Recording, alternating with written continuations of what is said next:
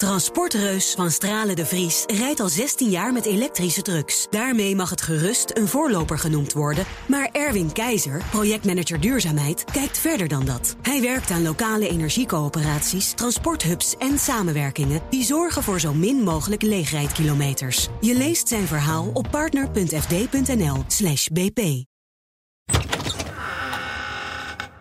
Wel een historische uitzending natuurlijk. De val die we al wekenlang zagen aankomen. Is Ik werd dus toch beschuldigd door luisteraars dat ik dus uh, opruiende taal en zo Ja, ben. jij hebt het allemaal veroorzaakt. Je hebt je wel extra eh, netjes aangekleed voor Had ik gisteren van ook het al. kabinet. Had ik gisteren ook al. Ik Ja, dacht, als het dan valt, dan wil ik ook wel... eh, hè, dan is het... eh, Dan kom je in beeld en dat is je doorbraak als journalist ja, misschien. moet je natuurlijk... eh, ja. Moet je Het lijkt, me heel uitzien. leuk, het lijkt me heel leuk om eh, dat, dat eh, Rutte dan eh, aankondigt... eh, nou, het kabinet... eh, we gaan we ontslag inbieden bij de koning. Dat dan de eerste vraag is. En die avondklok? Maar die komt er toch wel, hè? ja, ja, dat zal wel. Ja. Op zijn knietjes heeft hij erom gesmeekt. Eh, nu geen taboes. En geef ons nou de kans om dat OMT-advies te wegen wat we krijgen. Dan komen we bij jullie terug wat we gaan doen. En doe alsjeblieft nu geen uitspraken vandaag. Dat is mijn enige vraag aan de Kamer om weer deuren dicht te gooien. En bovendien, eh, ja, als ze demissionair gaan, ach, Dan kan de avondklok er ook nog wel vanaf. hoef je ook geen rekening meer te houden met D66. Oh, ja. Maar goed, die zijn toch al gedraaid. Goed, heb je inmiddels geluid? Ik heb eh, op één oor geluid. Dat is al heel wat. Oh, Het Ja. is, vandaag heb ik een beetje een rechtsbias eh in mijn oor. wat ben jij eh, een bofkont, Thomas? Je tweede week in Den Haag en het kabinet valt. Ja, ja, dat is wel bijzonder, ja.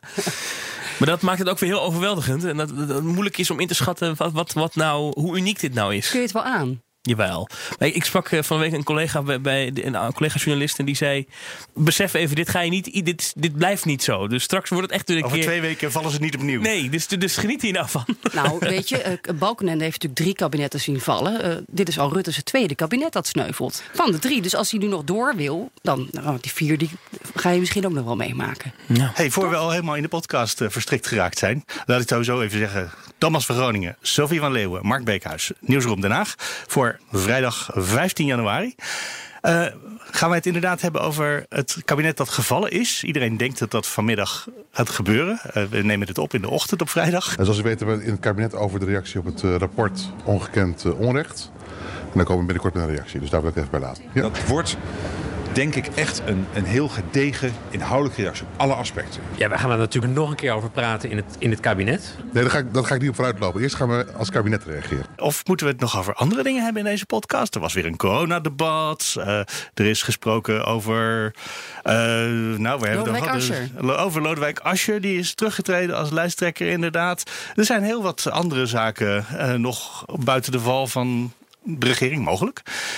Moeten we Eh, het net doen Moeten we het daarover eh, hebben? Of doen we gewoon. eh, Nou, we kunnen het ook net doen, net als de, de kranten eh, de dag na de Amerikaanse verkiezingen altijd. Dat de ene kant van de krant is een voorpagina voor als de ene kandidaat gewonnen heeft. En de andere kant is een voorpagina voor als de andere kandidaat gewonnen heeft. dat we twee varianten opnemen. Nee, dat is gekhuis. Nee, maar dat gaat waarschijnlijk wel gebeuren, toch, Sophie? Dat is wel wat, waar we allemaal op wachten. En wat wij eigenlijk al wekenlang roepen, volgens mij ook in deze podcast. ja, afgelopen week hebben we dat al voorspeld in deze Je zit podcast. het zeker. heel langzaam, hè, zag Ja. je die val aankomen. Die is eigenlijk ook een beetje zo voorbereid. Eh, we worden al een beetje gekneed hè, door Rutte deze week in de persconferentie. Onvermijdelijk hoor je ook overal. Hè. Dus het, is, het, het, het, het zou een hele rare manoeuvre zijn. En het zou echt, een, een, een echt eh, heel knap zijn als het niet valt. Eigenlijk. En eigenlijk eh, gaan we dus ook door demissionair. Dat scenario ligt al helemaal klaar. Hè? Dat we dan gewoon doorgaan met het corona. Maar wat is daar dan gebeurd? Want twee weken geleden heb ik onze premier nog horen zeggen: nee, we moeten eerst aan die ouders gaan werken. Volgens mij heeft nog niemand van die ouders die 30.000 euro al, al echt overgeboekt gekregen. Eh, Dus eh, datgene wat ze gingen doen, hebben ze nog niet af. En in die afgelopen twee weken is er toch ook bij de premier kennelijk en bij een heel aantal ministers het besef ingedaald, denk ik dan maar, dat ze toch moesten aftreden. Ook al wilden ze het eigenlijk niet. Nou, ik denk wel dat, dat de val van Lodewijk Asscher, hè, die zelf dus opstapt, dat dat nog even het setje was zo over de rand van de afgrond. En ik hoop vurig dat op 17 maart de sterkere Partij van de Arbeid wordt gekozen, omdat ik denk dat dat essentieel is. Maar ik stel vast dat de discussie over mijn rol op dit moment het niet mogelijk maakt om daarvoor te zorgen. Want nu Asscher weg is, dat die een van de grote gezichten was van de toeslagenaffaire, hij neemt zijn verantwoordelijkheid. Ik vind dat we de democratie meer dienen met zelfreflectie dan met brute verontwaardiging. Ik vind dat we de democratie meer dienen door fouten toe te geven en dat je daarmee fouten voorkomt, dan door tactisch zwijgen. Dan kun je eigenlijk niet ehm, blijven zitten als Rutte en Hoekstra en Wiebes. Dan moet je daar een antwoord op formuleren. Dus in, eh, Rutte had nog wel een beetje de regie eerder deze week, vorige week. Maar nu ehm, wordt het wel vrij onmogelijk om door te regeren. Maar het terugtreden van Asscher is van gisteren, van donderdag. En ik had het idee dat wij op woensdag in de podcast, Sophie, al het over het aftreden op vrijdag eh, hadden. Eh, dus dat was voor, voor het terugtreden van Asscher. Dus dat kan niet. Ja, het- vandaag is misschien een soort. eh, de regering daarmee schaakmat gezet. Van u kan nog maar één kant op. Ja, Eh, maar daarvoor was dat ook al eh, de beweging die gemaakt werd. hij lekte dus zelf in die Ja, persconferentie. precies. Als In de we persconferentie demissionair zei gaan, hij, eh, we gaan dat precies. We kunnen gewoon demissionair zijn en dan Blijven we coronabereid missionair. kunnen we missionair blijven. En Ja. als je goed luistert naar de quotes die Sigrid Kaag van D66 en Gertjan Segers van de ChristenUnie hebben gegeven de afgelopen twee weken, dan hoor je daarin dat zij openlijk hun twijfel uiten: moet dit kabinet wel door? En een herstel van vertrouwen, burger in de overheid. Ik denk dat dat een grote opdracht is voor één ieder in de politiek en het openbaar bestuur. Dit gaat om mensen. Wij doen dit allemaal voor mensen. Het systeem is niet heilig, mensen. En dat is natuurlijk ook een, een heel belangrijk gegeven geweest, denk ik, wat, wat extra druk heeft gezet op Rutte. Waarom dit nu Zijn gebeurt. eigen regeringscoalitiepartijen. Ja, gewoon ja, die, die, die openlijk. eh, eh, jij hebt ook een eh, Kaag had je ook een Ik heb paar hem keer voor de vaker gesproken. Ik heb, Ja. ik, ik heb het ze een paar keer gevraagd. En dat gaat openlijk over politieke consequenties. Zij vinden dat die er moeten komen. Ja. En dan is er eigenlijk natuurlijk maar één. Eh, één goed antwoord op. En wat ook wel interessant is, is dat je ziet dat de pers en ik zelf ook al wekenlang het spelletje spelen van. Gaat u aftreden? Kan het kabinet aanblijven? En dat wordt natuurlijk ook, hoe vaker je het vraagt. Ja. Dat zag je ook bij Asscher. Die heb ik het ook een aantal keer gevraagd. Wordt ook bijna een self-fulfilling prophecy. Voel je daar verantwoordelijk voor? Als je het zo beschrijft? Ja, niet dat je het in je eentje gedaan hebt. Maar Nou, ik denk dat er een. Ik, ik heb altijd gedacht dat er een hele goede reden is om, hè, om hier dus op die vraag op tafel te leggen. Als, je, als de, de fundamenten van je rechtsstaat eh, worden aangetast en als burgers verpletterd zijn. dus als er dan geen overtuigend antwoord komt van die eh, minister of eh, partijleider van de Partij van de Arbeid, dan blijf je die vraag gewoon net zo lang herhalen tot er wel een goed antwoord komt, wat Ja. dat ook is. En er zijn ook kabinetten om minder afgetreden. Hè. Als je kijkt naar wat er eerder is gebeurd, Rutte 1, hè, een beetje ruzie met de Waar PVV. om? Oh ja, natuurlijk. Balkenende, ruzie met de LPF, Oeroeskan, Ayaan Hirsi Ali. Maar dit is wel zo fundamenteel dat die mensen zichzelf in de spiegel moeten kijken. Dus ja, eh, natuurlijk, eh, misschien voel ik me een beetje verantwoordelijk... maar ik denk wel dat dat hele terechte vragen zijn Niet geweest. schuldig, wel verantwoordelijk. Van, wat is uw antwoord hierop? En zoals je zegt, er is nog geen antwoord. Ook inhoudelijk niet, daar moeten we het ook over hebben. Voor die ouders. Dat krijgen we als het goed is vanmiddag vanavond. Extra geld en hè, Ja, betere dat is al beloofd, toch? Die informatievoorziening. 30.000 euro die krijgen ze en daarna als ze meer recht hebben, is niet nog meer. Nee, dat is, dat is de eerste aanbetaling. Ja. Ehm, En, en wat ook wel belangrijk is, denk ik, is nog voordat het rapport ongekend onrecht uitkwam, die ochtend lekte er al het een en ander. En toen zag ik al wat journalisten eh, eh, die zeiden: Nou, dit, als, we, als klopt wat hier uitgelekt wordt, eh, uitgelekt is, dan, dan moeten we het serieus gaan hebben over de val van het kabinet. Dus, dus dat was eigenlijk nog voordat we überhaupt wisten wat erin stond. Dus ging het al rond in de wandelgangen in Den Haag, val kabinet, val kabinet. Het- dus het eigenlijk sloeg- beschrijf je nu dat de regering nog best lang is aangebleven. Nou, eigenlijk wel, Daarna. ja. Ja, er zijn mensen die zeggen dat bijvoorbeeld Asscher wel rijkelijk laat tot de conclusie is gekomen dat het eigenlijk toch niet, dat hij eigenlijk toch niet kon aanblijven. Had hij ook die avond kunnen doen, hè? Had hij eigenlijk eerder kunnen doen. Hij heeft er ook over nagedacht in de kerstvakantie. Maar zelfs na de kerstvakantie dacht hij nog dat hij er wel mee weg zou komen. Dus eh, we, ze hebben heel lang gewacht hiermee. Dat ben ik wel eh, met je eens. En dat viel toen als een bom, sloeg dat echt in, in de Tweede Kamer. Weet je nog, die sfeer die daar was? Dat kwam zo hard aan. En ook in de fracties, hè, in de fractievergaderingen van al die politieke partijen. Ook in de coalitie. CDA, hè, Pieter Omtzigt. Het sloeg in als een bom. En dat was eigenlijk al wel vanaf het begin... kon je inderdaad voelen dat er maar één echt antwoord zou kunnen zijn. Ja, en nog terug te komen op jouw vraag, wat is hier veranderd? Wat waarschijnlijk ook meespeelt, is dat achter de schermen waarschijnlijk het beeld is ontstaan dat mocht het aankomen op een motie van wantrouwen in het debat, dat het kabinet het gewoon niet overleeft. En Dus- dat wil je voorkomen. Ja, dus dan maar zelf doen. Dat denk ik hoor. Er is ook nog een motie van wantrouwen van Jesse Klaver. Dat, is, dat zou Ja, natuurlijk die van Geert erg- Wilders kan je voorspellen. Die van Jesse Klaver is aangekondigd van de Ja, week. Het zou beschamend zijn, denk ik, voor Rutte om weggestuurd te worden. Hè, met een Ja. motie van Jesse Klaver. Dat wil die natuurlijk voorkomen. En ja, die kans is reëel. Volgende week, ik denk volgende week woensdag. Dan gaan we het inhoudelijk hebben over wat hier straks op tafel ligt. Hoe we dit gaan voorkomen dat dit nooit meer gebeurt. Gaat dat ook gebeuren als de regering vandaag op vrijdag zegt... dames en heren, we hebben erover nagedacht. Dit was het. dat debat moet wel doorgaan. dat debat gaat toch gewoon door. Natuurlijk, ja. Ik denk, eh, kijk, als ze demissionair worden en dan gaan ze naar, hè, dan moet Rutte naar de koning. Ik weet niet, morgen misschien. Om zijn ontslag aan te bieden, lijkt me morgenochtend of zo. Dan vervolgens ga- blijf je eh, slok demissionair. koffie. Sorry, lange dag. Op ehm, coronabeleid, hè, dus dat hebben we eigenlijk al aangekondigd. Corona moet doorgaan, de bestrijding, vaccinatie, et cetera. En eh, de toeslagenaffaire. Dat zijn natuurlijk twee dossiers die absoluut wel Ja. door moeten gaan. De Tweede Kamer kan ook beslissen om andere onderwerpen eh, voor te zetten die eh, cruciaal zijn. Bijvoorbeeld de verdere uitwerking van het pensioenakkoord. Omdat Ja, andere- volgens mij alles mag in principe door blijven lopen. Tenzij iemand zegt: nee, hier gaan we het niet meer over hebben. Want dat vinden wij nu politiek gevoelig liggen. Ja. En dan is dat geblokkeerd daarmee. En als nu de coalitie eh, het eens wordt vandaag in de ministerraad dat we er een punt achter zetten, dan kunnen we het daarna wel weer eens worden ook over de belangrijke dossiers die er nog liggen. twee, drie. Voor de komende, nou ja, het kan negen maanden duren, hè? Even wat, wat betekent het voor de verkiezingen? Als nu, eh, stel dat morgen het ontslag aangeboden wordt aan de koning, is 17 maart dan nog een redelijke termijn voor verkiezingen? Hoe moet hij dan naar voren? Ehm, het, het, ik denk dat we sowieso eigenlijk niks kunnen zeggen over de verkiezingen. Want Rutte en Ollongren willen allemaal dat die sowieso doorgaan op 17 maart. Ja. Maar dat hangt af van de Britse variant van het virus. En hoe die zich verder ontwikkelt. Dus ik Oh, zou jij- eerder zeggen naar voren. over naar achter schuiven in plaats van naar voren. Ik zou zeggen naar achteren schuiven lijkt me een, een reëler scenario dan naar voren schuiven. Dus, Oké. Maar dat, dat, ja, dat, dat is dus wel de wereld waarin we nu leven. Hè? Corona met hoofdletters. Ja. Dat, is, dat domineert alles. En uiteindelijk is dat dan ook misschien de redding hè, van Rutte, die gewoon hup, weer doorgaat en Bam. de staatsman zal uithangen. Ik zal nog heel even denken aan het begin van deze week hadden we een coronadebat. En toen zag je ook al, was mijn idee, en het- misschien het begin van het einde van de regering. Iedereen was een beetje eh, duf in het coronadebat. Er gebeurde niet zoveel. Dus in de, je hebt altijd zo'n eerste termijn van de Kamer. Dan komen al die eh, woordvoerders die komen een verhaaltje houden. En dan vallen ze elkaar meestal aan. Dan komen er debatjes, kleine interrupties, grote interrupties.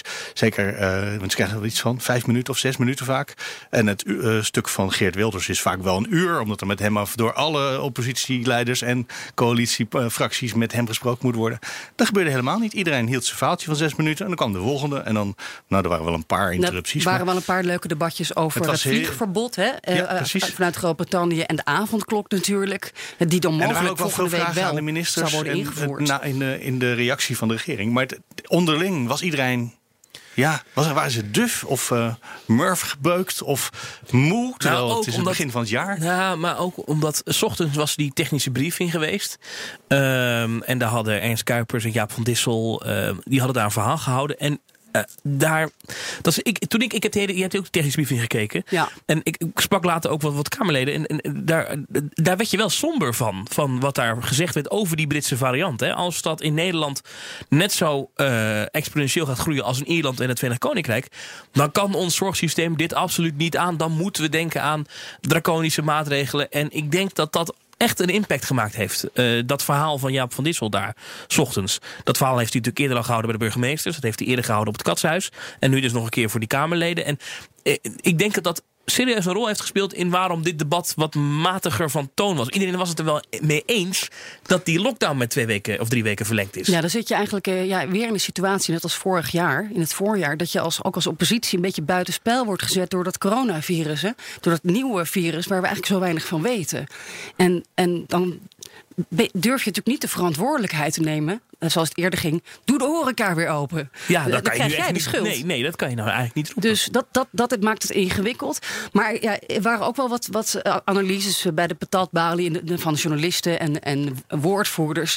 Dat het vuur er ook wel een beetje uit was. Misschien dat sommige mensen zich ook wel realiseerden dat het de laatste debat was, hè, het is over, we zijn op weg naar verkiezingen, maar Ja. het is ook echt klaar. Ah, er was nog één Met momentje dit weer. kabinet, althans een missionair. De, de, de debatten tussen Jesse Klaver en Hugo de Jonge die zijn ontzettend interessant. Jesse Klaver gaat er echt drie keer op rij nu. Ging hij er vol met gestrekt been in bij, eh, bij de jongen. Dat was op het einde nog wel even. Dat ik dacht, oh, we hebben weer vuur. Het is, weer, Ja. eh, het is nog steeds. eh, Hoeveel van die grote hè, eh, vaccinatie, eh, priklocaties gaat u neerzetten? Ja. Ik wil weten hoeveel ja. u er, u er gaat, eh, gaat bouwen. En daar had, had hij weer geen antwoord. De heer Klaver. Ja, ehm, ehm, we, hebben het hier al een paar, we hebben het hier in december over gehad. We hebben het hier in het vorige debat over gehad. En ieder debat tot nu toe krijg ik niet te horen hoeveel extra locaties er voor de GGD's zijn. Behalve dat de GGD ermee bezig is. Ja, daar wordt eh, aan gewerkt. Voorzitter, ik vraag toch echt aan de heer Klaver om daar ook begrip voor te hebben. Dat dat ook werk in uitvoering is. Dan draait hij er een beetje omheen. En dan, die, vorige keer was het die eh, ongelooflijk. Hè? U moest eens weten hoeveel werk er verzet is. En nu was het weer. Je Motie merkt, van wantrouwen hè, van de PVV, die ook behoorlijk hard aankwam. je merkt dan toch dat, dat, dat zo'n jongen nog steeds wel daar geïrriteerd van, eh, van raakt. Ook al was er. Je zegt er zat geen vuur in. Maar Ja, als je nou, naar de- zocht, dan zag je wel af en toe een vlammetje. Ja, het, het is vooral in het eerste stuk van de Kamer, waarin helemaal niets gebeurde. Nee, nee klopt. Ehm, bijna helemaal niets. En, en toch vond ik eh, het moment dat Rutte eigenlijk smeekte aan de Kamer Ja. om geen dingen nu al te blokkeren die we straks misschien nodig hebben. Het gaat over de avondklok, hè? Over de avondklok, precies. Dat is toch wel interessant. Dat Rutte zegt, jongens, alsjeblieft, ga nou niet nu moties aannemen en doen om dit. Want la- laten we nou even afwachten. Dat is toch best opmerkelijk dat de premier. eh, Hij geeft zichzelf dan echt een beetje bloot. Van, jongens, Ja, alsjeblieft. maar het is ook typerend voor zijn rol nu. Hè, dat hij eigenlijk zegt, ook tegen de oppositie... eh, hou je koest. Ja. Het is ook jou- jullie verantwoordelijkheid. Maak het niet politiek. En dat hebben we eerder gehoord in deze crisis. Hè? Vorig jaar. Dat was aan het begin van de eerste golf. We zijn eigenlijk terug bij af. En, Mark, Politiek Hebben we er iets van geleerd? Nou ja, dat is ook een goede vraag. Maar, en ja, toch wel misschien wat ook ervoor zorgde dat er geen vuur was in dit debat. Lodewijk Asscher ontbrak. Ja. En die zorgt wel vaak in eh, coronadebatten. Is, als hij begint, dat zei je van de week nog, als hij aan het woord is, Dan wordt iedereen even stil. dan is het toch. Ja, ja. ja. want hij wist toch vaak precies dat puntje aan te snijden in de coronaproblematiek waar het kabinet nog moeite mee had. Of waar, waar het schuurde. En dat, dat ontbrak nu wel. Lilian de Ploemen die, die, die, ja, die, die deed dat niet. Die, die, niet op de manier zoals eh Asje dat deed. Als je dat nu zo zegt, dan moeten we het misschien ook even hebben over de opvolger van Asscher. Want er gaat natuurlijk het gerucht dat dat Ploemen gaat worden. Eh, Heel mooi bruggetje dit. ja, dat is heel professioneel gedaan door mij, hè? vind je ook niet? Eh, en zo door te benoemen maken we het nog beter. Ik heb nog haar eh, Maar- biografie zitten lezen in de kerstvakantie. Dus eh, De deur naar de macht. de deur naar de macht. En ik twitter van de week. Twitter niet zo vaak. De deur staat open. Ed Liliane Ploemen. als we dan zeggen, met Asscher wordt het eh, vuurwerk in de Kamer. En met Ploemen bleef het een beetje mat. Gaan ze bij de PvdA dan met Ploemen de oorlog winnen? Ja, maar je stemt, Nederland stemt niet op iemand die heel goed kan debatteren in de Tweede Kamer. Nederland stemt op iemand, als het goed is, waarvan ze zeggen die heeft een visie en een plan en een beeld voor Nederland waar ik eh, achter sta. Dus toch? Maar je moet het wel kunnen verdedigen in de Kamer. Dat is zeker waar. Maar dat kan Ploemen ook wel. Alleen je, het is toch een ander soort debater dan, dan Lodewijk Asscher. Ja, maar misschien is het ook wel een, een goede leider hè, die, die ruimte geeft eh, aan de fractiegenoten. Maar ik moet wel zeggen, hè, als je de reacties hoorde, ik stond gisteren met Ariep in de wandelgangen. Ze waren zo in shock en eigenlijk ook nog niet helemaal klaar voor het antwoord op de vraag van wie moet het dan gaan doen. Ariep staat op twee, Ja. Ploemen staat op drie. Maar ik, ja, ik, ik zet toch wel mijn eh, fles Eh, wijn op op twee van de eh, kieslijst. Hè? Ik bedoel, niet als volgorde van wie het misschien gaat worden. Ja. Nou ja, en daar is toch het meest opmerkelijke is dat, dat Ariep gisteren toen jullie haar troffen op de wandelgangen, niet meteen zei ik ga het niet doen. Eerst even verwerken dat wij een, een hele fijne eh, collega eh, nu eigenlijk eh, gedwongen is eh, afgetreden. Ik heb heel veel fractievoorzitters meegemaakt en ik vind hem echt aller allerbeste. Het is ongelooflijk eh, leuk eh, en fijn en, en hij geeft iedereen de ruimte, ook in de fractie. En het is gewoon heel naar dat hij eh, nu daarmee stopt. En dat vind ik eigenlijk al erg genoeg. Wat daarna gaat gebeuren, dat weet ik allemaal niet. Ze zei niet, ik ga het niet doen, maar ze was wel heel boos.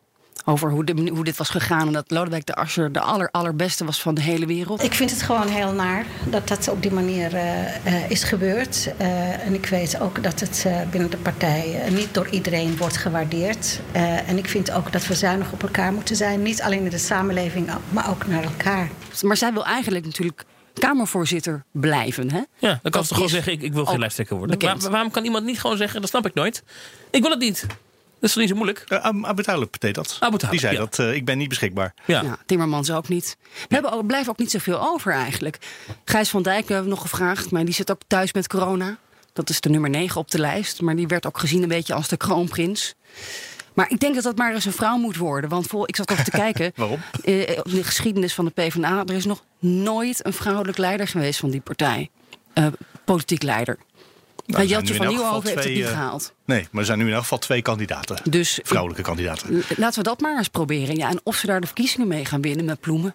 Ja, waarschijnlijk niet. Maar ja, weet Nou- je, je hebt ook niet zoveel te verliezen. Als je hè, op 11, 13 eh, zetels in de peilingen staat en je hebt er nu 9. Nou, ik kwam nog in dat Ploemen toen als minister dat abortusfonds. eh, dat, dat, dat, hebben we toen hier op BNR ook nog wel goed gebracht. Dat er heel veel positieve reacties over kwamen. Dat ze toen echt wel populair was in een soort van. in, in, in de vrouwenstroming in Nederland. Ja, en volgens mij dat zijn best veel stemmen. Zij is een groot feminist. Hè? Zij is ook eh, van de hashtag She Decides. Zij eh, kan een gevaar zijn, denk ik, voor Sigrid Kaag. Ook omdat zij natuurlijk een eh, buitenlandse portefeuille ook eh, heeft hè, gehaald als minister. voor buitenlandse handel. Dus eh, zij heeft best wel veel gemeen met Sigrid Kaag. En ze is wat. Dit is even een waardeoordeel, maar misschien wat warmer. Ja, en ehm, de dochter van de melkboer. Dus niet eh, van de elite, waar Kaag altijd een beetje van wordt beschuldigd dat ze te elitair is. Ja, want waar is heeft gewoon de dochter van de melkboer gestudeerd? Niet een extra, denk ik. hè? En die heeft gestudeerd in Rotterdam. Hier, dat bedoel ik. Ja. En dat was een hele grote stap, schrijft ze in haar boek, voor de dochter Van van, het de melkboer. naar Rotterdam. Ja, Ja. Die ging studeren. En even dat, dat boek, hè, want ik, ik heb het niet helemaal gelezen. Ik heb gisteren een paar passages eruit gelezen. Maar Sophie, dat, dat, het feit dat je zo'n boek in 2020 uitbrengt. Kijk, zij wist toen natuurlijk nog niet dat Asscher weg zou gaan. Met de titel De deur naar de macht. Naar de macht. Ja, dit, dat leest als een sollicitatiebrief. Ja, dat dacht ik dus toen ik de- tijdens de kerstvakantie dat boek las. Dacht ik, die vrouw die wil premier worden. Of die wil leider worden. Dat Ja. was het gevoel dat ik erbij had. Als een soort open sollicitatiebrief. En dan valt dit nu wel echt heel... Ik, ik weet niet, misschien eh, hebben ze het er ook over gehad. Hè, achter de schermen met elkaar. Ja. Asje en Ploemen. En ze schrijft Zou jij ook- dan eventueel willen? Ja. En ze schrijft dan ook van ja, je hebt maar een paar procent nodig om echt verandering te maken. Want dat wil ze. Ze wil eh, echt iets veranderen. En het gaat om bijvoorbeeld de vrouwen, vrouwendebat. En wat ik wel aardig vond, een van de passages, die kan je misschien nog herinneren. Gaat over de tas. De loodgieterstas. De loodgieterstas. En dat, dat, dat vond, ik heel aardig, want dat was een van de stukken die ik gelezen had. dacht ik, oh, dat, dat gaat eigenlijk nog over de toeslagenaffaire ook. Want zij schrijft dan, eh, je krijgt als, als, als minister, als winstro, krijg je iedere dag een tas mee naar huis. Waar eh, de ambtenaren, eh, verbeter me als ik er fout zit, maar die, die, die, de stukken en de conceptkamerbrieven en, en al die de ambtsbrieven van de ambassades in haar geval allemaal in die tas stoppen. En dat, dat krijg je dan mee naar huis. En dat moet je dan lezen. En ze had als tip gekregen van Wouter Bos. Eh, als je nou minister wordt, eh, doe iedere dag de tas af. Oftewel, eh, zorg dat je iedere avond gewoon die tas even leest. Dan, dan is dat ook voor je eigen gemoedsrust goed. En zij vertelt dan dat, dat ze zei, en, en dan er zit dan ook een soort van venijnig dingetje in dat ze zei: Ik weet niet hoe mijn collega's het deden, maar ik las alles. Ja. En ik was een pietje precies als het ging om de Kamerbrieven. Dat, wilde ik, en dat moest 100% kloppen. En goed, toen eh, zij dat boek schreef. Dat is ook een antwoord op de toeslagenaffaire. Nou, wellicht ja. Want, want in de toeslagenaffaire hebben we natuurlijk gezien dat die informatievoorziening naar de Kamer niet altijd goed was. Dat Lodewijk Asscher wellicht een briefje hier en daar of een signaaltje hier en daar over eh, die keiharde aanpak eh, van, van, van- van, de niet bestaande fraude. Dat hij die had gemist. Nou ja, als je haar- dit, dit leest, het is maar een kleine passage. Maar Ja. dan zegt ze eigenlijk dat zou mij niet overkomen. Ja, dat zegt ze eigenlijk. Ja. En, eh, En dat schreef ze dus al voor het rapport. Dat schreef al voor het rapport. Als minister, toen zei, schrijft ze ook... Dan, ik ga de tas missen. Ze was er eigenlijk zelfs aan gehecht geraakt. Aan die eh, loodgieterstas. Ja, het is... eh, Ik mis mijn huiswerk. Ja. En we hebben het nu wel over iemand die in Rutte 2 minister was, toch? Zeg ik dat goed? Nee, dat is wel weer het nadeel van, van Ploemen. Die trouwens ook partijvoorzitter is geweest van de PvdA. Maar ook dus minister in het vorige kabinet. Waar Asscher dus Naast juist Asscher, ja, verantwoordelijk precies, dat was voor, voor die toeslagenaffaire. Maar goed, zij was daar niet voor verantwoordelijk. Dus zij kan daar niet direct op worden aangevallen. Nou ja, hè, buitenlandse handel, ontwikkelingssamenwerking. Wat Kaag nu doet. Dus dat is kennelijk een, eh, een optrapje naar de macht. Ja. Maar en dan daarna moeten we over ophouden. Maar ja, één ding wat ik me kan herinneren toen ik net aankwam in Den Haag, twee, tweeënhalf jaar geleden. Toen was Ploemen degene die tegen mij zei: Sophie, je mag alles aan me vragen. En ehm, als, ik, als ik het niet mag zeggen, dan, dan hou ik gewoon mijn mond. Maar ik zal nooit tegen je liegen. En dat was wel iets wat, wat, wat mij bijbleef. Want er wordt heel veel natuurlijk eh, gespind in de Slangenkuil is het, wandelgang. ja. het, is een slangenkuil. En toen En zij ik, zei, ik beloof je de waarheid. Ik, ja, ik, ik vertel je altijd de waarheid en anders zeg ik gewoon niks. Dat vond ik super fijn van die vrouw. Ik dacht, dat en is dat wel klopt een ook. Want dit kan integer ook. persoon. Ja, als je heel cynisch bent, kan dit ook een leugen zijn. Maar dat eh, je gevoel Ja. klopt ook altijd. Heb je, dat dat klopt Nou, ook altijd voor jouw dat gevoel. is door meerdere mensen aan mij bevestigd. Dus nou, wie weet, hè, wordt het nog wat. En in die campagne zal het PvdA natuurlijk ook ehm, CDA en VVD... dus Hoekstra en Rutte, die door willen... keihard kunnen aanvallen dat jullie lijsttrekker niet is opgestapt. U blijft gewoon zitten. Wij hebben onze verantwoordelijkheid genomen. Ascher is weg. Maar Hoekstra en Rutte willen door. Nou, dat wordt natuurlijk een campagnestrategie... waar we nog wel meer van gaan horen de komende nou maanden, vanmiddag, weken. ja, als nou vanmiddag de regering, of vanavond de regering, inderdaad bekend maakt, dames en heren, dit was het. Is dan eigenlijk Hugo de Jonge, tegen wie heel veel kritiek is in de laatste weken, die misschien ook wel eens een keer zou moesten, moeten aftreden nog, is hij dan veilig ineens, omdat hij al demissionair is? Ja, je zou natuurlijk denken dat het hem heel goed uit kan komen. Want dan heb je dat hele hè, vaccinatiebeleid waar toch veel kritiek op is. Het Hele enige wat doorloopt. Hij heeft de hele ministerraad heeft hij om hem te ondersteunen, bij wijze van spreken. Ja, dat, dat, dat lijkt een voordeel. Je kunt het kabinet niet meer wegsturen met een motie van Als ze weg zijn, kan je ze niet nog een keer wegsturen. Maar, er is een grote maar. Een minister die demissionair is, kun je wel wegsturen. Dat is namelijk gebeurd al eerder in de IRT-affaire, lang geleden. Hier Bannin. Ja. Oh, ja, dat is jaren negentig of zo. Ja, zoiets. en eh, toen was ik nog niet in Den Haag. Ik ook niet. Hey, toen woonde ik ook nog niet in Den Haag. Het mag. Je kunt, dus in, in theorie, dus dat is vervelend. Hè? Rutte eh, met, kun je eigenlijk niet wegsturen, niet zo makkelijk. Maar Hugo de Jonge wel. Dus dat probleem is nog niet opgelost hè, met de gele kaart en de motie van wantrouwen. Als het gaat om zijn beleid, die hij die die vorige week aan zijn broek kreeg. Thomas, hoe, hoe zie jij die kansen? Nou ja, dan, dan moet het nu met het vaccinatieprogramma gewoon goed gaan. Dan moeten er nu geen hele gekke fouten meer gemaakt worden. En dan helpt het niet dat gisteren nog eh, de huisartsen ineens eh, weer op de trom gingen slaan van wacht even, het gaat niet goed. Ja, wat zei hij ook weer? Hij is leugenachtig, hè? Ja. Hij komt zijn afspraken Hij- niet na. nou, we hebben afgesproken dat wij dat vaccin zouden krijgen. En nou zeg je toch, nee, we gaan het toch niet doen. Ja.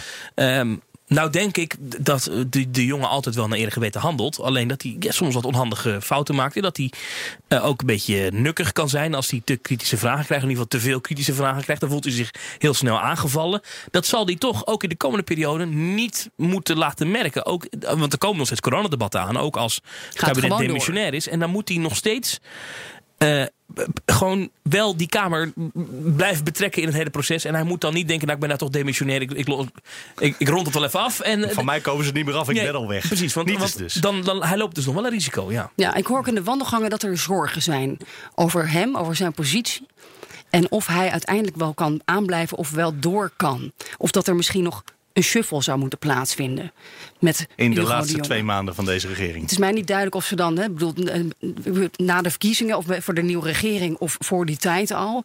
Maar ja, eh, hij kan natuurlijk uiteindelijk dus wel weggestuurd worden. Ook in het demissionaire kabinet. Het zou wel een Trumpje zijn, hè? Dat Dus- je in de laatste twee, twee weken voor je vervanging toch nog even wordt weggestuurd. Ja, en ehm, hij, is, hij is gewoon niet heel populair in de Tweede Kamer. En eh, eigenlijk staat er volgens mij al een opvolger klaar. Want Ernst Kuipers, die heeft al eerder aangegeven... Hè, ik wil wel minister worden. Dat, in, dat is wel een baan die ik zou zien zitten. Hè, van, eh, Maar worden, Rasmus heb MC. ooit gezien dat iemand die zo openlijk solliciteert... ook daadwerkelijk minister wordt? nou, ik denk wel dat dit een historische crisis is... Ja. waarin je idealiter een minister hebt die A, vakkennis heeft... een soort van zo'n crisiskabinet. Mhm. Een minister die eh, de sector goed kent en die steun heeft in de sector. En dat is nou net volgens mij het zwakke punt van minister De Jonge. Hm. Maar goed, ik, ik wil hem niet wegsturen... maar ik, ik wil alleen maar aangeven dat dat spel nog ehm, niet uitgespeeld is. Hoe groot acht je de kans dat als eh, het, eh, deze coalitie doorgaat... Hè, want daar wordt wel eens over gezegd dat... Qua peiling kan het op Qua peiling. Ja, precies. Dat, dat, eh, dat we gewoon dezelfde coalitie straks weer hebben. Dat Hugo de Jonge dan weer op de post VWS zit? Nou, ik denk sowieso deze coalitie. Het is wel lastig omdat Gert-Jan Segers van de ChristenUnie zijn huid heel duur verkoopt. Hè? Ja, die En wil al- allerlei aanpassingen, ja. Die wil veel meer geld voor onderwijs, zorg. Die heeft een, een hele duur, heel duur verkiezingsprogramma waarvan ik me afvraag: hè, wat kan, kan de VVD daarin meegaan? Dus dat is, eh, dat, is nog niet, dat is nog niet zeker. En dan ja, Hugo de Jonge. Nou, wat ik hoor in de wandelgangen, zou die wel eens vervangen kunnen worden. Of misschien minister van Onderwijs. Want hij is natuurlijk leraar geweest. En daar heeft hij dan inhoudelijk wel verstand van. Daar heeft hij wel verstand van. Dat is ook een risico hoor. Ministers die weten waar ze het over hebben. Arie Slob, nou, als de ChristenUnie niet meer meedoet, heb je Arie Slob ook niet meer nodig. Dan heb je een nieuwe minister van Onderwijs nodig. Nou, dan zou ik zeggen. Hugo, de Jonge. Wie weet, wie weet wat er allemaal kan Zomaar gebeuren. een voorspelling. Ja, sowieso. Het kan nog alle kanten op gaan. Hè? Want als eh, straks eh, met Ploemen de PvdA heel groot wordt... en GroenLinks ook in de regering komt... dan wordt alles natuurlijk anders. Nou ja, voorlopig eh, is op links. Hè, je ziet een enorme versnippering in de Tweede Kamer. Met een record aantal partijen die meedoen met verkiezingen. Ja. Maar ik zie Maar nog er- geen meerderheid op links. Is er nog enige kans dat ook Rutte zal zeggen... ik heb er nog over nagedacht, ik kan geen lijsttrekker meer zijn? Dat Wopke Hoekstra zegt, Wel, nee. ik heb erover nagedacht... maar ook ik ben toch niet de gedroomde opvolger van mezelf. Dat eh, gaat gewoon eh, van eh, Teflon Rutte afglijden in de campagne straks. En dat gaat hij, dat, dat gaat hij niet doen. En Hoekstra ook niet. Nee. Dat moet, CDA het weer op eh, offer eh, gebracht op het ogenblik. Ja, ja. En dat blijft zo. Ja. Overigens nog één ding over de PvdA trouwens. Dat schiet me nog even te binnen. Want ik zat gisteravond op tv te kijken. En toen zag ik Jinek. En dat is toch de op één na best bekeken talkshow van Nederland. Of de best bekeken soms. En daar zaten dan drie prominente Partij voor de Arbeiders. eh eh Gerdy Verbeet, Hans Spekman en eh, Ronald Plasterk. En volgens mij weet toch iedereen in de politiek... dat als je je partij verder wil brengen... dat je dan niet twee maanden voor de verkiezingen... de vuile was buiten moet hangen. toch? En, En geen lijsttrekkersverkiezingen, hè, zoals Nee. de vorige keer met Samson en Ascher. Nou, dat, dat, je dan, dat je dan wisselende mening hebt over wie dan de- de leiding moet nemen, dat kan toch. Alleen ze gingen allemaal de vuile was buiten hangen met... ja, hoe dit gelopen is, is toch niet helemaal goed. En waarom moet je voor een congres gestemd hebben op een motie... over een motie eh, van, eh, over de, de toekomst van Asscher. Eh, ook eh, Ariep gisterenmiddag in de wandelgangen zei ook tegen alle landelijke media... dat ze vond dat de PvdA eens wat beter op elkaar moeten letten. Hè, dat ze wat beter op elkaar moeten zorgen. Ja, ik vond dat ook niet slim. Het was emotioneel, maar niet slim. Nee, maar dat is toch gek? Waarom... Dat is knap geproduceerd. Van de redactie van Jinek dan. Dat, ja, maar dat, waarom hangen ze zo de vuile was buiten? Want dat, je voelt toch is een aankomen hele dat. open partij. De Partij van de Arbeid. Ja, maar het is niet slim. Authentiek, dat is ook heel erg in de mode. Authent- authentieke politiek.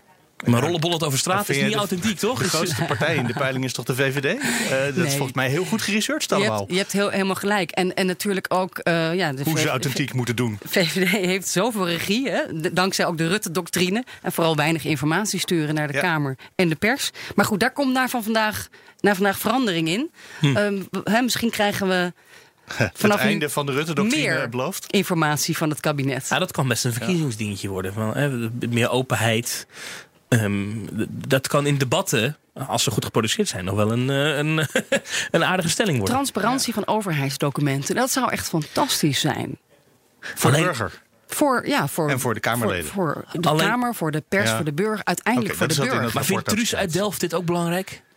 Nou ja, wel als zij wordt eh, nage- eh, nagejaagd eh, omdat ze zou hebben gefraudeerd.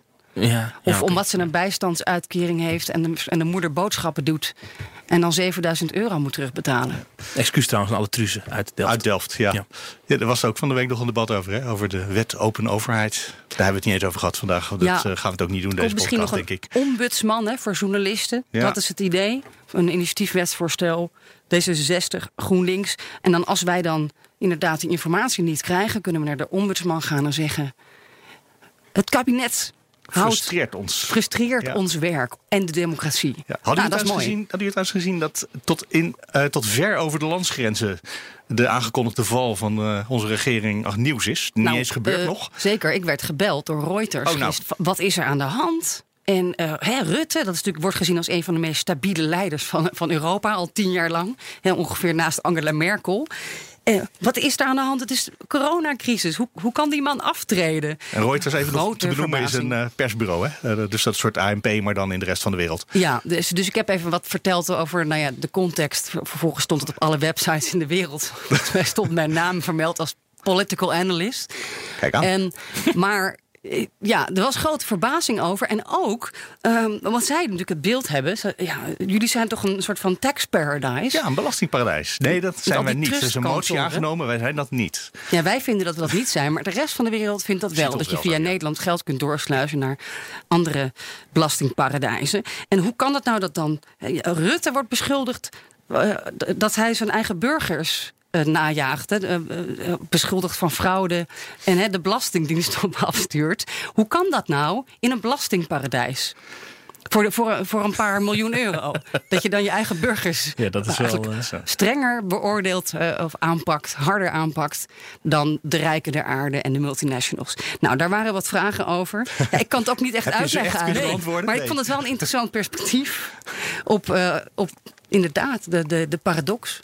En Sofie, wat mij ook opviel, is dat in een aantal artikelen die ik las in, in buitenlandse media, is dat het, eh, het racisme-aspect van dit dossier, dat dat in buitenlandse media veel prominenter genoemd wordt dan wanneer we in Nederland over de toeslagverre praten. Het feit dat bijna alle mensen die het slachtoffer zijn geworden van die keiharde fraudeaanpak, dat dat mensen zijn met of een dubbele nationaliteit of in ieder geval niet-Nederlandse achtergrond, ehm, dat, dat, dat wordt daar veel meer benoemd dan bij ons. Eigenlijk zijn we dat alweer een beetje, dan vergeten niet, maar daar gaat het hier niet Gek, hè? over. Ja. Terwijl dat is natuurlijk wel, als je erover nadenkt, een heel belangrijk aspect. Ja.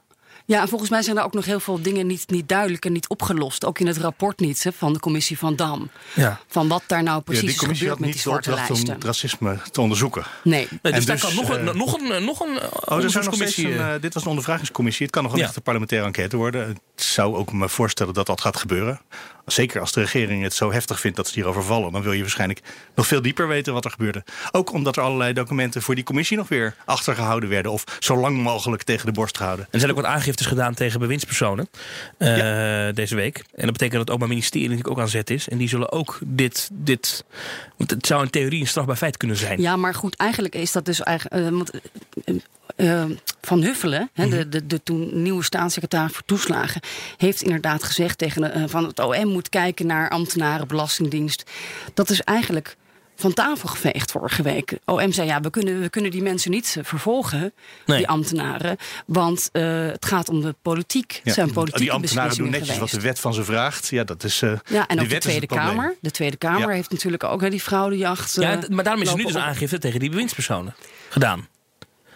Of dat kansrijk is, weet ik niet. Ik ben geen eh Ja, tegen de bewindspersonen. Ja, Ja, dat, ja. krijgt dus nu een staartje inderdaad. Ja. Want ja, dus dat, dat verhaal is nog niet, niet opgelost. Maar ehm, eh, de val van het kabinet kan ook natuurlijk, hè, de- waar we nu op, op wachten, kan ook een gevolg zijn van dat het eigenlijk niet, dat ze er bij het OM niet helemaal uitkwamen. Nee. En dat uiteindelijk je geen individuele ambtenaren lijkt eh, te kunnen vervolgen. Maar dan krijg je misschien dadelijk een vervolging. Even heel hypothetisch, maar een vervolging van, van een premier. Ja. Dat Eh. zou dus in theorie kunnen. Ja, kan ik- dat. Gebeurt in Israël op het ogenblik ook. Ja, eh, nog een reden om eh, door te gaan met het volgende kabinet Rutte 4 natuurlijk. Ben je dan eigenlijk eh onschendbaar? Nee, dat hebben nee, wij niet. Niet in Nederland. Volgens mij niet. Oké, nou, ook ik ben geen jurist. Maar ik, ik heb We hebben een jurist nog- nou- nodig in de mij, niet, podcast. volgens mij ben je in Nederland niet onschendbaar. Volgens mij is in Nederland niemand onschendbaar, toch? Eh, oh, je kan in de Tweede Kamer zeggen wat je wil. Dat is waar, ja. Maar eh, Eh, als je als daarbuiten Kamerlid dan eh, daarbuiten niet, maar op verkiezingsavonden toch minder minder gaat zeggen... dan ben je wel in één keer Ja, eh, precies. Ja, maar in de Kamer voor- ben je ja. volgens mij veilig. Eh, over eh, juridische zaken gesproken. Ik hoor ook dat er eh, ja, nog heel grote dossiers aan kunnen komen. Als het gaat om de rol van de, de rechters, de Raad van State. Die ehm, eigenlijk te veel hebben geleund of, of geluisterd naar eh, ja, de politiek of de ambtenarij. En ervan uitgingen dat dat allemaal wel goed zou zitten. Die geen onafhankelijk oordeel hebben geveld. Ik denk dat er nog wel een commissie aankomt die dan eh, over de afgelopen, ja, ik weet niet, tien jaar zal moeten gaan, gaan onderzoeken. Wat er allemaal, wat voor een uitspraak er allemaal. Oh, maar dat heeft de Raad van State Mis over zichzelf al aangekondigd. Wij gaan onze eigen uitspraken gaan we onderzoeken. Wordt wel ingewikkeld, hè? Kijk, de- dat wordt een hele grote affaire, want er kan nog veel meer boven tafel Nou, wat ik daar vooral heel schokkend aan vind, is dat de rechter zegt: in principe geloven wij de overheid. Dat zat in het interview in Trouw, volgens mij, afgelopen weekend. Exact. En als de rechter zegt: wij gaan ervan uit dat de ene partij in principe gelijk heeft, dan moet de andere vanaf uit een achterstandspositie eh, zich zijn positie gaan verdedigen. Dat is niet een onafhankelijke rechter daarmee. Dat is echt een probleem. Nou ja, maar aan de andere kant, kijk, ik denk dat we wel, eh, en nou wordt het heel eh, diep graven, maar het is natuurlijk wel zo dat de Tweede Kamer is de wetgever. En als de Tweede Kamer in een wet Nee, opneemt dat- het zus waar. en zo geregeld moet zijn, Dat een rechter dan zegt, ja, u heeft het, u heeft het, u heeft volgens de wet als gehandeld. de, ja. als de baas van de afdeling bestuursrechtspraak in een interview zegt: wij gaan er altijd vanuit, of wij gingen er altijd vanuit, dat de overheid in een rechtszaak in principe gelijk heeft. Want zo dat werkt is het geen bestuursrecht. onafhank- Dat is gek, dat is gek. geen onafhankelijke rechtspraak. ben ik het met je eens, dat is gek. Alleen het ding is wat nu eh, ook. en dat is echt wel ook tricky, hè, wat, wat, eh, wat de, de commissie heeft geoordeeld, natuurlijk. Wat, dat de rechtspraak hier ook een rol in heeft gespeeld. Kijk, die, een rechter is in principe alleen maar voor om iets te toetsen aan de wet. Ja, ja. En niet om daar allerlei eigen interpretaties en, en, en, en, en waardeoordelen aan te hangen. En wat je nu wel krijgt, is dat straks nu een soort gekeken wordt naar, naar de rechtspraak om te zeggen. ja, als de Tweede Kamer dus een wet heeft aangenomen die te hard is, dan moet de rechter maar zeggen: ja, dat is te hard. Maar het gaat ook om de interpretatie van de wet hè? en Ja, het dat- recht ja. van de burger. Maar goed, Ah, fijn, dit gaan we ook natuurlijk in deze podcast niet oplossen. Maar we zijn er even nee. benoemd hebben. lang niet klaar mee. Nee. Maar Vanmiddag wordt het deze- een leuke Oh, dag. Ja, jullie zijn nu in Amsterdam. Ik neem aan dat jullie zo in de auto stappen die kant op. Zeker. Ja, we moeten weg. Maar ik wil eigenlijk ook naar Den Haag. Maar ik moet ook nog hier in allerlei uitzendingen dingen roepen. Je moet bij Wilfred Gené aan tafel. Eh, ja, dus eh, Oké. dit, ja, dit, dit is eh, een historische dag in Den Haag en ik ben er niet bij. Huil. Nou, dan moet je er maar even met je chef over, eh, over vechten dan. Thomas, Sophie, dankjewel. En dank voor het luisteren. En dank voor jullie mailtjes. Mail ze naar nieuwsroom.bnr.nl of nieuwsroom.fd.nl. Abonneer op deze podcast. Heel simpel. Pak je podcast-app er even bij. Zoek Nieuwsroom Den Haag. En eh, de show notes, die moeten we ook altijd nog even noemen. bnr.nl slash Nieuwsroom Den Haag. Tot volgende week.